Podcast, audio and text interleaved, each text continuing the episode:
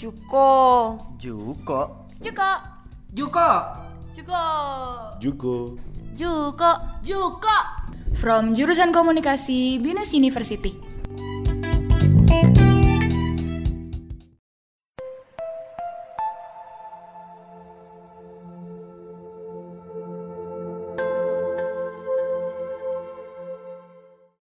sebentar lagi herd immunity ya dan pemerintah lagi lagi intensif nih. Mm-mm. Tapi siap nggak Indonesia menghadapi menjadi masuk ke fase endemi? It's a very good question. Nah, harus diakui seben, eh, masyarakat berada di antara siap dan tidak siap menghadapi endemi karena salah satunya adalah eh, faktornya itu adalah vaksinasi. Untuk bisa menyimpulkan suatu negara masuk ke fase endemi atau telah bisa dinyatakan herd immunity, minimal vaksinasi itu sekitar 2 per 3 dari total masyarakat di negara tersebut. Nah, masalahnya di Indonesia sendiri belum sampai. Tapi memang pemerintah sedang menargetkan vaksinasi bisa eh, memasuki angka minimal herd immunity di akhir tahun ini. Semoga saja bisa kesampaian. Dan juga eh, untuk masuk new normal ini masyarakat juga antara siap nggak siap karena eh, kepatuhan terhadap protokol kesehatan masyarakat Indonesia harus diakui masih terbilang rendah. Apalagi sekarang kita lagi waspada dengan yang namanya eh, varian Delta Plus. Yang baru-baru ini lagi merebak di Israel. Terus juga pemerintah lagi dihimbau waspada karena gelombang ketiga COVID-19 yang di mana kita juga harus waspada. Nah, itu ma- masih belum pasti apakah kita siap masuk immunity. Da- Itu tergantung. Tergantung bagaimana sinergi antara masyarakat dan pemerintah dalam menghadapi pandemi COVID-19 ini. Jika eh, sinergi antara masyarakat dengan pemerintah itu berjalan dengan baik, mulai dari pemerintah yang bisa menerapkan pembatasan yang sesuai dengan harapan masyarakat, protokol kesehatan ketat, tapi tidak terlalu berdampak ekonomi. Dan masyarakat juga secara inisiatif mau mengikuti protokol kesehatan dan mau ikut vaksin. Itu itu paling penting. Iya, sih, setuju, setuju. Dev, boleh tolong restart kamera nggak? Lo stop video terus ulang lagi. Pencet lagi. Ya. Man, iya sih, aneh juga setuju nih kalau emang kita harus herd immunity apalagi kan Delta. Nah, mungkin juga kita kan nih pa- masih pada pelajar kan, kita masih kuliah. Lu semester berapa, Dev? Eh, sekarang masih semester 7. Oh, udah mau 8 ya. Oh, deket loh. Ini lu ngerasain nggak learning loss selama di Venus ini loh? Ngerasain nggak learning loss? Harus diakui terasa. Terasa ya. Biasa khususnya di mana nih? Lu kayak nggak ada praktikum, mungkin itu salah satunya ya. Eh, praktikum ya it- itu bisa nggak terlalu masalah sih karena kan kalau misalnya praktikum komunikasi bisa dilakukan secara daring ya ini nggak masalah banget. Cuma mungkin yang buat memang yang perlu praktek lapangan di- itu bisa terasa banget yang namanya learning loss karena pandemi. Iya sih, aku juga ngerasain soalnya kan kalau aku sendiri kan mass communication pasti yang jurnalistik ke Binus TV itu apa latihan pakai alat-alat apa rekam kamera habis itu TV itu jadi terus juga kita juga ada kelas editing jadi nggak terasa loh kita malah informasinya nggak nyerap itu salah satunya sih kalau dari dari yang dibaca Indonesia udah seberapa banyak ya vaksin? Tapi yang kulihat ya, kasus COVID di Indonesia itu udah menurun ya. Kita sempat ada spike, tapi sekarang udah nurun juga nih. Betul. Eh, kita secara tingkat vaksinasi itu terakhir saya cek itu berada di angka kisaran 50 juta. 50 juta sekian berapa gitu penduduknya. Itu beberapa, beberapa hari yang lalu. Dan kasus harian itu terakhir saya cek itu sekitar 900-an dengan kematian kurang dari 100 namun itu tetap harus jadi waspada mengingat testing COVID di Indonesia itu masih di bawah standar WHO alias testing kita masih pas-pasan bahkan saat varian Delta lagi kuat-kuatnya itu testing kita masih pas-pasan banget tapi pas dihitung itu 50 ribu lebih, 40 ribu lebih, 30 ribu lebih, itu belum termasuk yang underreported. termasuk yang sekarang. Bahkan ada laporan dari CNN Indonesia yang menyebutkan saat kenaikan kasus Delta kemarin, itu ada banyak kematian akibat COVID-19 yang itu tidak dimasukkan data Kemenkes. 50 juta ya? Dari 250 sekitar Iya, juta apa populasi Indonesia yang sudah divaksin. Betul. Menurut lu nih, Namun untuk per hari ini, ya, per maaf hari mau ini nambah sedikit. Namun untuk per hari ini, jumlah vaksinasi COVID-19 itu adalah untuk dosis pertama adalah 109.796.866 dan vaksinasi tahap kedua 64.622.692.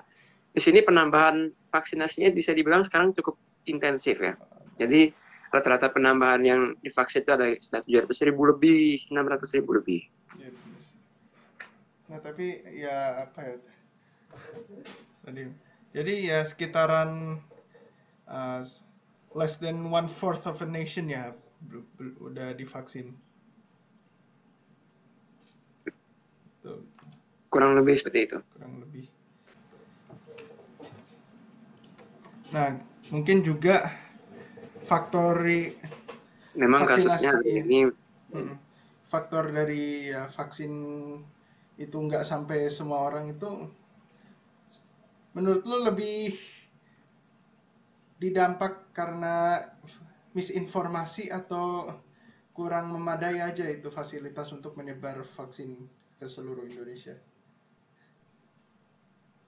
sebenarnya itu dua faktor yang pemicu yang utama sebenarnya karena eh, harus melawan. Jadi untuk untuk mengantar vaksin ke daerah-daerah pelosok yang memang akses transportasinya terbatas itu jadi tantangan tersendiri. Jadi wajar eh, apa namanya kita mendistribusikan vaksin itu memang agak perlu usaha lebih. Kadang ada yang nggak sampai bahkan atau mungkin eh, butuh memakan waktu yang lama. Tapi itu jadi catatan penting buat pemerintah agar diperbaiki lagi. Terus juga misinformasi akan vaksin juga masih banyak beredar di media sosial dan di mana saja. Bahkan ya, banyak yang menggunakan semacam logical fallacy untuk ogah divaksin atau bisa juga mereka menggunakan semacam whataboutism atau red herring fallacy. Itu itu sering banget muncul di media sosial. Iya.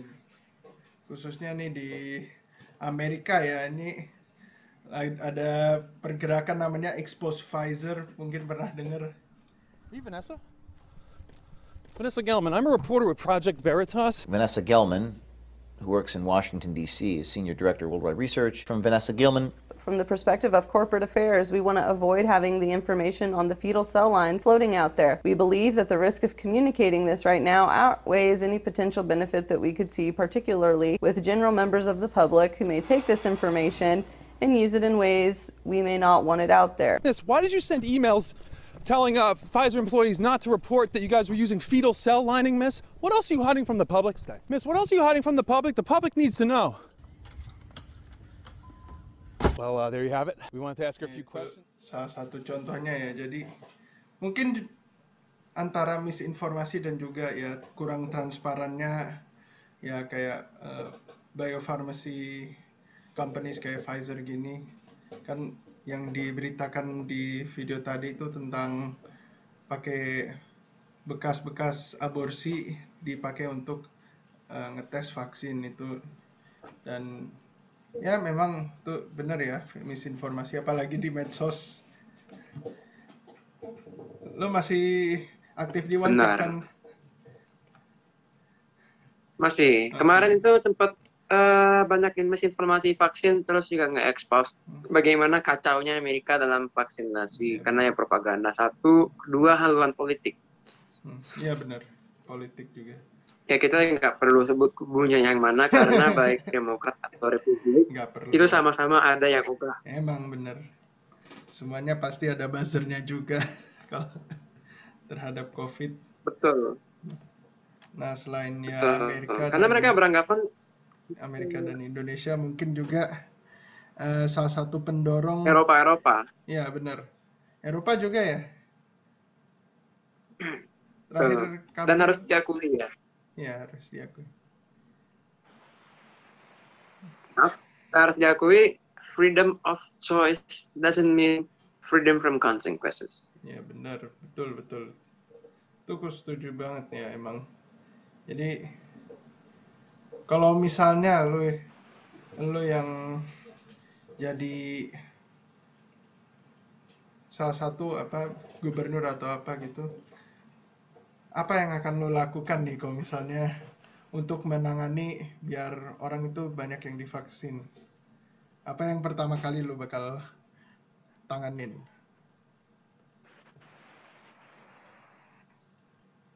Apa misinformasinya kah atau Saya kan tetap menerapkan wajib vaksin dulu. Mm-mm. Bu, kecuali buat mereka yang ada penyakit-penyakit tertentu. Hmm. Kenapa demikian? Iya, kita bisa melawan misinformasi. Masalahnya kita kita, kita terus mengaliri misinformasi itu dengan eh, dibanjiri dengan fakta. Eh, misinformasi ini kan terus mengalir dan itu semakin kencang alirannya. Mm-mm. Dan tentu saja buat fact checker akan semakin kewalahan. Dan jika saya menjadi gubernur, ketimbang saya banyak melakukan fact check yang kewalahan, saya akan lebih baik memaksa orang untuk ikut vaksin saja. Nggak salah sih tapi malahan di Amerika tuh itu dia yang bikin orang-orang nggak mau vaksin karena dipaksa loh itu yang aku lihat ya kan ada protes anti mandat vaksin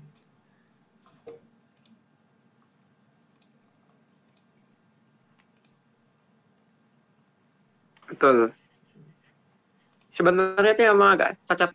Itu alasan yang sama digunakan ketika Amerika Serikat menerapkan aturan wajib pakai seatbelt. Di tahun di ujung abad ke-20, ketika Amerika Serikat menerapkan wajib pasang seatbelt, mereka juga protes dengan alasan personal freedom. Padahal yang untuk vaksin ini itu ada undang-undangnya. Itu diikut diambil referensinya dari OSHA Act of 1970s. But most Americans are only thinking about freedom, freedom, freedom. freedom tapi tanpa konsekuensi itu dia yang emang menurut lu nih juga Indonesia itu sudah siap belum ya kalau kalau misalkan tadi sudah eh bukan maksudnya eh, gimana ya? Menurut lu se- seberapa cepat Indonesia itu bakal kelar dari pandemi ini? Tergantung dari inisiatif pemerintah dan masyarakat. Bener-bener jadi ya gak cuma karena angka COVID nurun tapi juga vaksinasi Lagi tinggi juga, alhamdulillah. Ya, itu bagus sih sebenarnya. Dan tapi juga ya orang-orang udah mulai keluar rumah ya. Betul, mobil, mobilitas sekarang lagi tinggi dan itu perlu jadi catatan kalau kita nggak boleh lengah dari yang namanya prokes.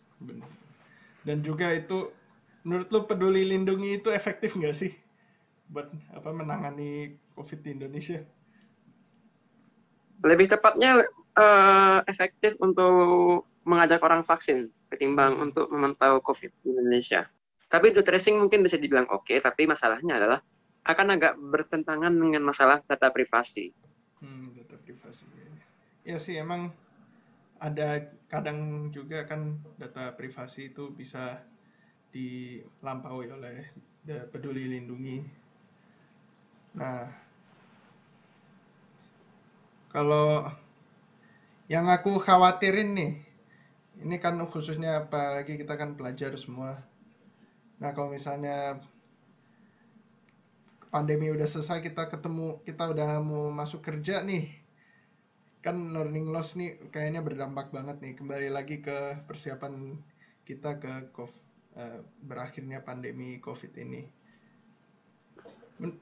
menurut lo murid-murid siap nggak sih eh mahasiswa-mahasiswa siap nggak sih untuk eh, mendapat kerja gini dengan pengetahuan yang mungkin terbatas dibanding masa sebelum covid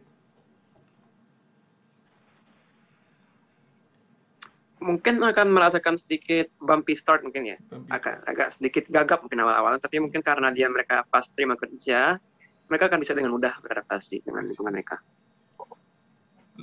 Kalau Dava sendiri kan semester 7 udah manggang atau belum nih? kebetulan saya ikutnya independent project dari Oh. dari Binus, bukan magang. I see, I see.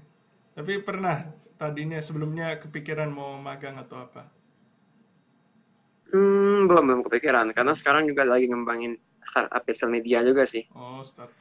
Keren, keren. Oh, mau bikin startup sosial media nih. Yang buat media berita, pixel Oh, media. Yes, yes, bagus deh. Ya, kayaknya udah cukup ya kita untuk sharing informasi pada podcast hari ini. Ya sudah, terima kasih banyak Dava untuk sharing informasi dengan perspektif Anda juga dan mungkin juga kan kan Anda mau bikin platform berita itu kita jadi aku jadi merasa terinform loh dengan tadi eh, Anda menambahkan info-info tentang angka COVID dan juga angka vaksinasi di Indonesia nih. Ya, thank you very much Dava.